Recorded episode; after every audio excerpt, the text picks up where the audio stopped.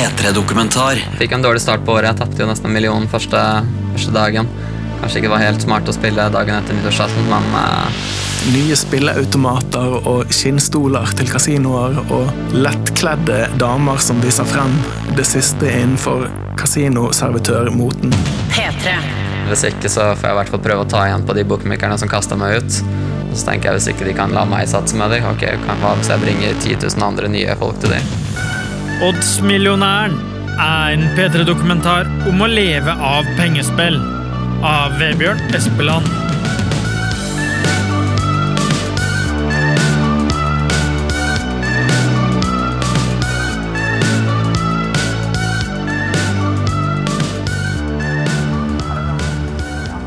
Du, nå står det fornem strøk her. Eh, jeg skjønner ikke åssen jeg finner hvor jeg skal ringe på. Gjør det, du. Hei! Hei, kom postmann Pat over. Ja. Ja, ja, ja. Hei. Hyggelig. Her var det fint, da. Ja, det er koselig her sånn. Så har vi jo Hva kan du si om området? Ja, altså, nå er vi jo på en måte litt utenfor Notting Hill, og så er vi på en måte midten mellom Notting Hill og Oxford Street. da. Mellom Notting Hill og Oxford Street, ja. Kanskje møte meg i den store døra i flott treverk mellom det som ser ut som romerske søyler, er kanskje ikke den typiske beboeren i nabolaget. Og han er heller ikke arving etter Rimi Hagen eller Big John Fredriksen. 26-åringen han er bare veldig god på pengespill. Unnskyld? Hva er det meste du har vunnet på pengespill? Det må være jeg tror det er bare 1000 kroner. Hva da? Bingo. På bingo? Ja, ja, faktisk. Faktisk, bingo. Da jeg var sånn 13-14 år, var med bestemor på bingo. Ja, hvis jeg hadde fått tallet ett trekk før, så hadde jeg vunnet, bon- da hadde jeg vunnet jackpoten, og da var det vel på 27 000, som var en relativt stor sum for meg da, i hvert fall. De fleste av oss har vel drømt om det. Når vi går forbi plakaten som reklamerer for 96 millioner kroner i Vikinglotto-potten, eller hører lyden av klingende mynt fra spilleautomatene på danskebåten. Men går det egentlig an å leve av pengespill i Norge? P3 Dokumentar vet om at flere av landets fremste fotballeksperter og kommentatorer blir begrensa til rundt 15 kroner per oddspill av de store utenlandske spillselskapene som opererer her i landet. Selskapene sjøl hevder at det her skyldes at de skal hindre syndikatspilling og innsidespill, hva nå enn det skal bety. Men ingen blir vel rik av å satse 15 kroner. Alle som bor i området liksom, i den sirkelen rundt her, har tilgang til den hagen der. sånn. Som er fint og. Åssen kommer du inn i hagen? Er den åpen, liksom, eller må du ha nøkkel? Man har nøkkel. Du har nøkkel til hagen her, ja? Jøss. Ordna det, da? Ja. Kult. Så det er jo relativt residential her i forhold til mange andre steder. Sorry. We'll start for you. Ja. Thank you. Vi er altså i Basewater i London. I nabolaget her så har Tony Blair og Winston Churchill bud. Det har også blitt popprinsene Damon Alburn og Brett Anderson, skuespiller Keira Knightley, motedesigner slash Beatles-barn Stella McCartney og Jonas Gjelstad, da, fra Larvik. Og god gammeldags. Ja, da har sikkert vært her siden det satte igjen de greiene her for mange år siden. Sove litt? Ja. Ja, jeg fikk ikke sove i går. Jeg la meg sånn i senga sånn to tider langt, men jeg fikk ikke sove før Jeg var så spent på at radioen skulle komme på besøk. Nei, det er vel mer at jeg har en dårlig døgnrytme. Ikke så lett å bare si til kroppen i dag skal, vi sove, skal du sove tidlig. Når den er vant til å legge seg Men du bør jo kanskje være litt uthvilt uh, Og jeg så, eller? sånn til NM. Vant til å sove lite i perioder. Så. I altså. I morgen så flyr Jonas til Dublin og poker-NM, der han vant én av konkurransene i fjor. Så det er meg og en kompis som bor her. Så her, ja. Det var svær, svært òg, ja. Og master bedroom og Ja, jeg tapte den flippen, så jeg har det minste rommet de første, første halvåret. En lys og stor leilighet med utsikt over fasjonable rekkehus og grøntarealer. Det tar ikke lang tid før Jonas, som lokalavisa Østlandsposten har kalt Odd-spillernes Robin Hood, begynner å snakke om nettopp odds. Norsk Tipping en, får en 80 mill. i uka på vanlig lotto. Så kan man tenke at det er jo 40 mill. som da lotto på å tape hver eneste uke. 40 mill. gang det med 50. 2 milliarder i året bare på, bare på lotto. Så har du Vikinglotto, Joker og alle de tingene der i tillegg. Jonas er ikke veldig glad i verken europeiske spillselskap eller Norsk Tipping, sjøl om det var nettopp der han starta. Jeg begynte vel å spille først da jeg var fire år. Visste ikke helt hva jeg drev med, men satset sånn 24 kroner på lørdagstippinga. Hadde noen gevinster, men mest tap. Vant noen ganger 1000 2000-3000 kroner, og da gikk det til ny sykkel, PlayStation-spill eller andre ting. Satt jo med pappa som hadde leste de faste tipsene og gjør det fortsatt en dag i dag, selv om jeg sier at det er ikke sånn du tjener penger på tipping. Så han er jo fast forstått med at han kan tjene penger på statistikk og sånne ting. Og til og med en gang han fortalte meg at han leste statistikk på lottotallet. At det var sånn, nå er det 32 uker siden tallet 28 har gått, så nå må det gå snart. Og da sitter jeg bare sånn og rister på hodet. For jeg har alltid vært opptatt av matematikk og statistikk og uh, sannsynlighet. Og jeg vet jo det at sannsynligheten øker jo ikke noe selv om det ikke har blitt godt. Et av mine sterkeste minner er faktisk fra oddspilling.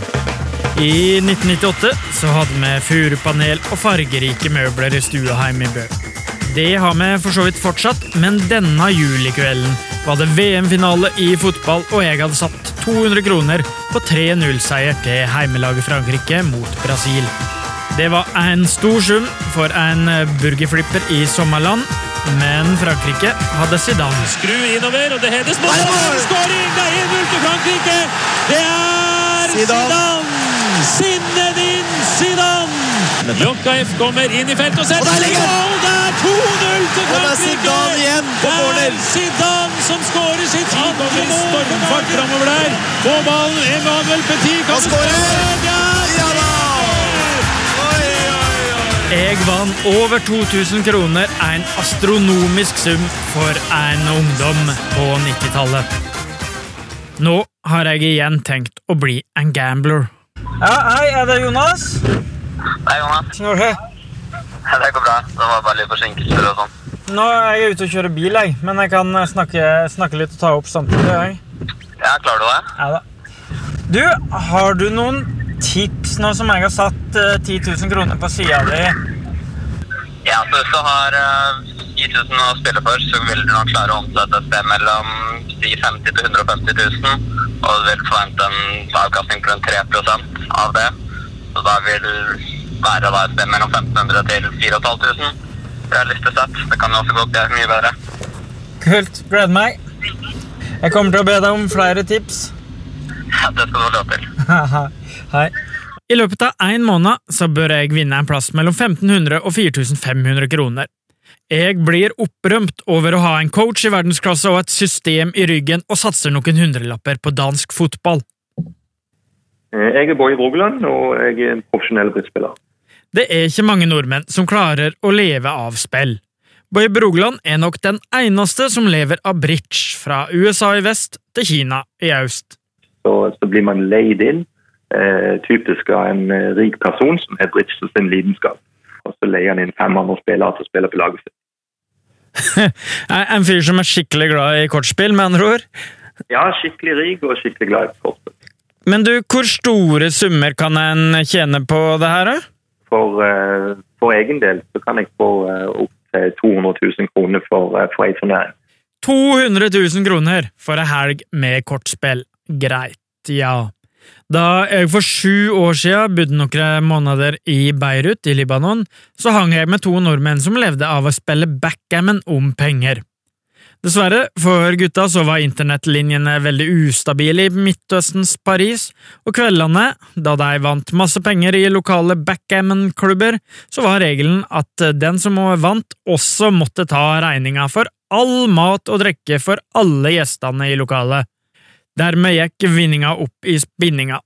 Innen poker så mener Jonas at det er 10–15 nordmenn som lever godt av det, blant annet trøndergjengen som de siste åra har bodd i Macau i Kina. Og det var også i Asia at Jonas starta sin gamblingkarriere etter å ha droppa ut av skolen. Ja, altså når jeg var 18, så gikk jeg på videregående, men jeg følte liksom ikke helt at jeg hadde lyst til å drive og jobbe for andre og bli ingeniør. og Nærmer seg 30-åra, så blir det giftermål, stasjonsvogn og alt det der. sånn. Og så flyttet til Thailand da jeg var 19 år med tre andre pokerspillere. Både kom hjem til Norge, kjøpte leilighet i hjembyen min Larvik. Bodde der et halvt år, kjeda livet av meg. Flyttet til London med en som heter Felix Steffensen. Og så har jeg bodd der siden i fem-seks år nå. For da var dere begge pokerspillere. Han er en ganske kjent pokerspiller, og du er Ja. kjent på norgesnivå. Ja, altså Felix ble jo veldig kjent etter han kom på andreplass i VM. I 2014 så vant Felix Steffensen småpene 35 millioner kroner. Han blei naturlig nok strålende fornøyd, tok seg en kjempefest i Las Vegas og dro på ferie, uten å ha sjekka hva som sto i premiekonvolutten han fikk. Her er det ugler i mosen. For der sto det at han skulle ha plukka opp de 35 millioner kronene neste dag. Å, herregud. Det går rundt for meg. Heldigvis for Jonas' gamle samboer så fikk han henta pengene året etterpå. Vi har vel på en måte alltid spilt de samme spillene helt til han hadde de gevinstene der. sånn. Da har han tatt livet litt mer med ro, og nå spiller han vel poker for alle. Han syns det er gøy, og ikke for å tjene penger lenger. Hvem har kjent mest av dere to? Det er nok fortsatt Felix, men jeg skal nok klare å ta han igjen. Yes. Her, har vi, her er vi stua, altså. Her har du en relativt stor flatskjerm. To Mac-books ligger henslengt. En stor Mac-skjerm til venstre for den store TV-en.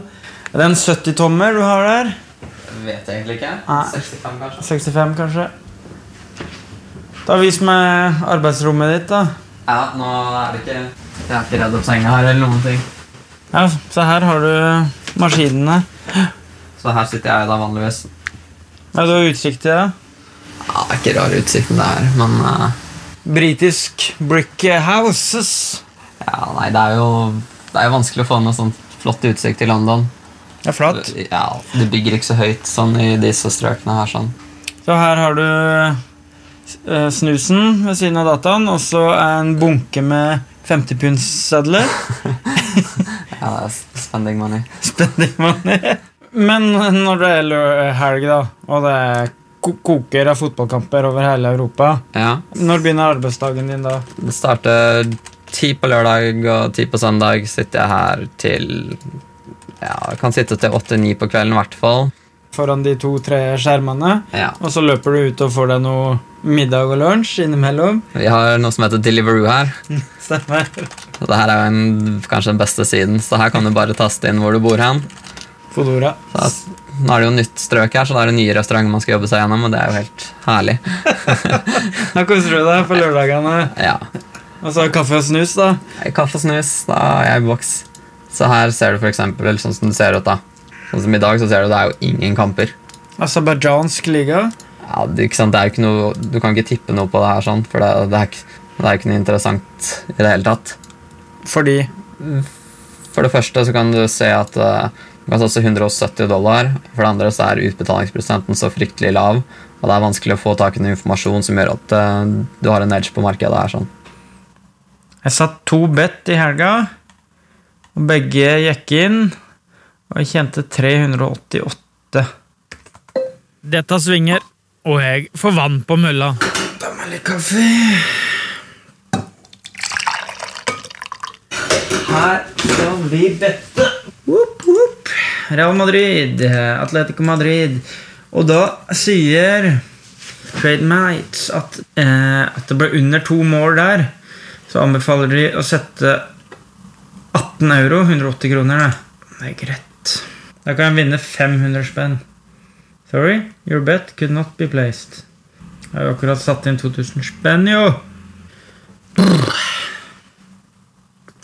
Hadde jeg visst at det var så vanskelig å bli spilleavhengig Jeg har vel hele tida vært glad i gambling og utfordringene. og så når jeg drev og tapte penger på tipping, så ble jeg litt sånn hm, Hvorfor taper jeg penger her sånn, når det er muligheter til å tjene penger?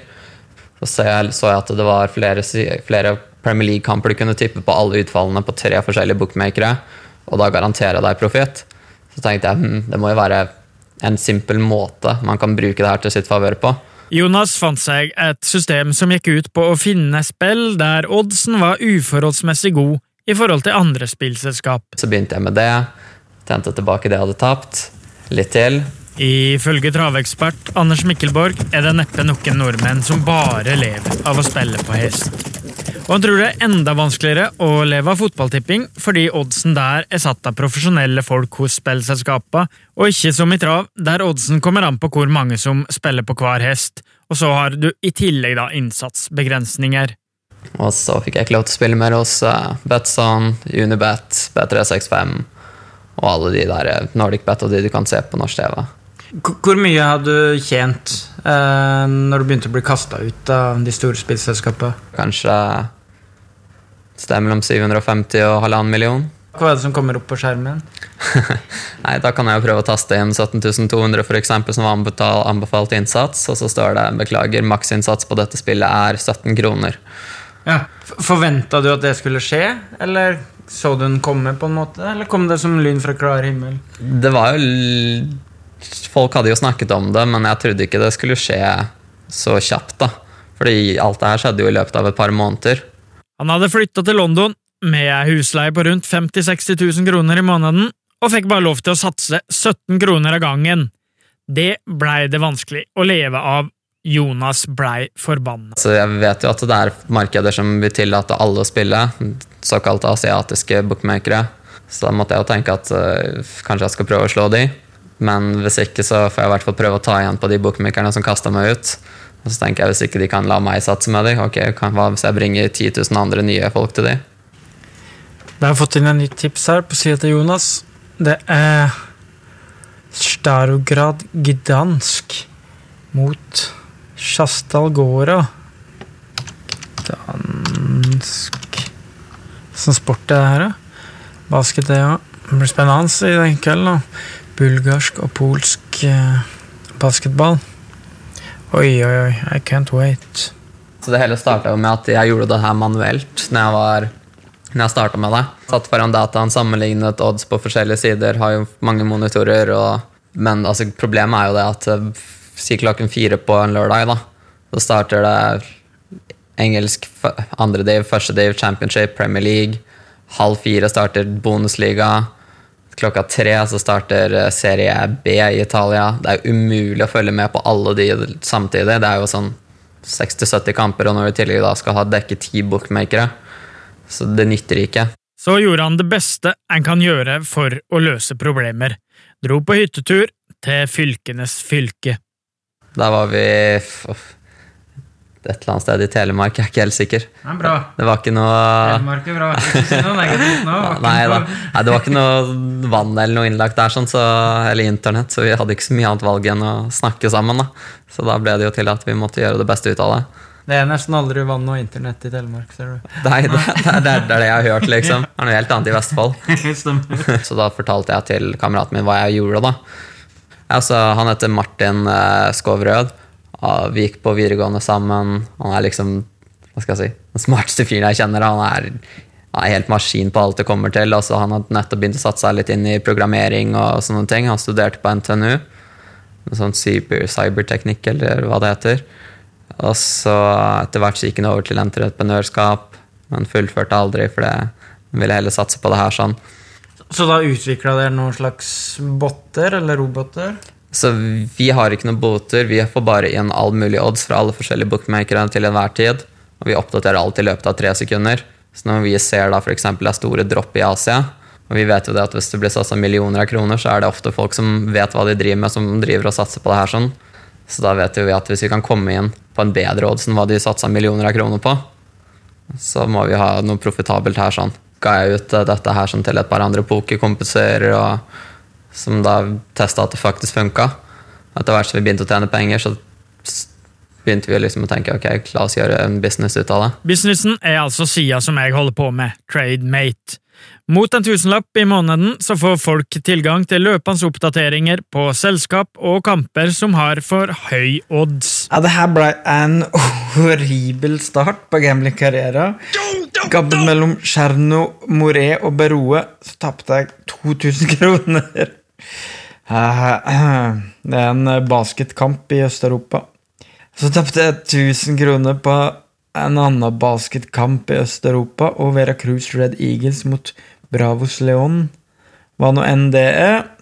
Men så er det lagt om litt, og da har det gått litt bedre. Her vant jeg 700 spenn på at det ble under ett mål mellom West Bromwich og Chelsea. Så vant det her Sandnes Ulf Bodø-Glimt et par hundre. Her vant det ganske bra. Tromsø kom til å slå Rosenborg med pluss ett mål. 500 spenn. Men nå er det Premier League-avslutning, og da skal jeg gå all in. Tottenham mot Hull med minus én mål. 1,7 odds.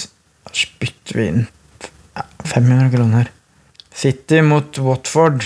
City med minus halvannet i handikap. Ja. Odd mot Molde. Molde halv i handikap. Bare 100 kroner. På Molde, sjøl om jeg heier på Odd. Artigere å spille på norsk fotball enn østeuropeisk basket, merker jeg. Da får vi se, da. Jeg tror ikke jeg blir millionær, men kanskje jeg tar igjen det tapte. Eh, Rune Manzoni, jeg er førsteamanuensis på Institutt for samfunnspsykologi på Universitetet i Bergen. Der jobber jeg med forskning på ikke-kjemiske avhengigheter, som pengespill og dataspill f.eks. Åssen holder du deg oppdatert på trender innenfor gambling og gaming? Det er på messa for pengespillindustrien, først og fremst. da. Det er jo et fesjå uten sidestykke med alt som rører seg av nye spilleautomater og skinnstoler til kasinoer og lettkledde damer som viser frem det siste innenfor kasinoservitørmoten. Det er en ganske spesiell bransje. Men Sony forteller at den viktigste trenden nå er at dataspill, altså gaming, smelter sammen med gambling. Og Det er mest uh, hotte eksempelet på det er jo det som skjer i uh, Counter-Strike uh, Go, CSGO. Nå i det siste så har det utviklet seg en trend der det finnes masse tredjepartssider der man kan, som er egentlig rene nettkasinoer. da, Der du kan gamble med disse skinsene som innsats. Og så hvis du vinner, så får du også utdelt skins som premie. da. Jeg ringer min tolv år gamle skytespillspillende nevø for å få klarhet i det her. Hallo?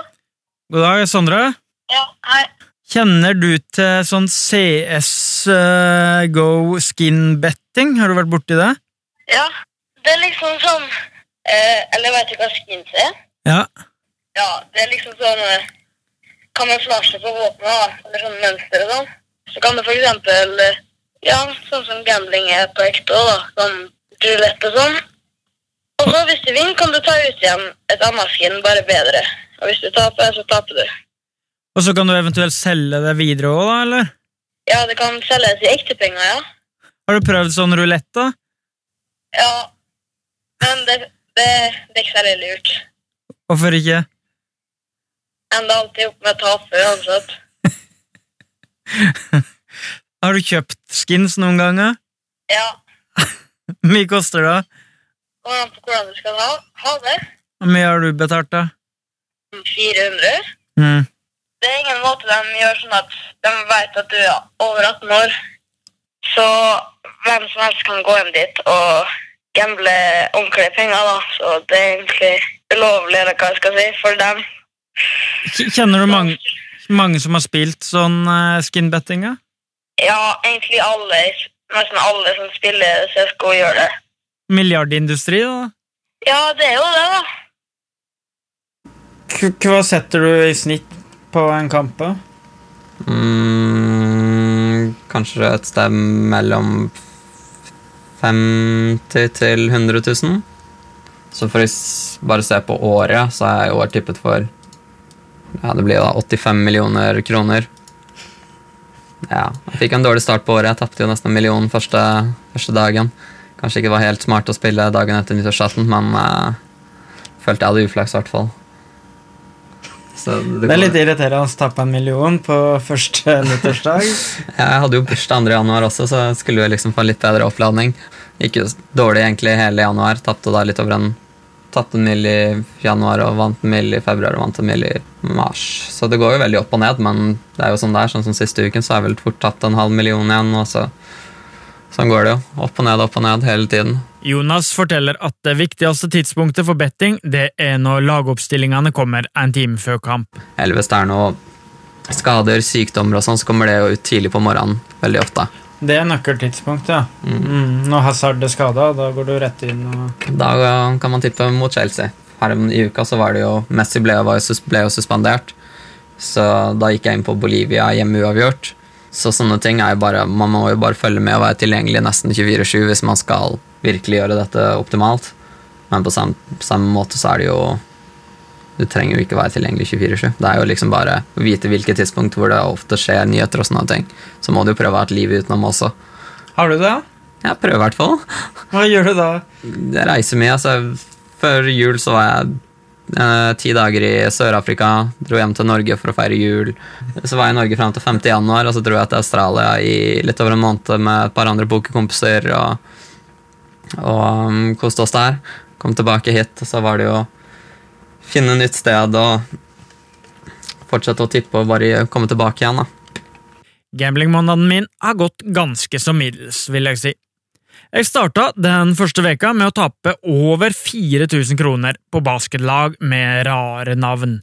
Og så vant jeg da nesten 3000 kroner på fotballag som jeg kjente til.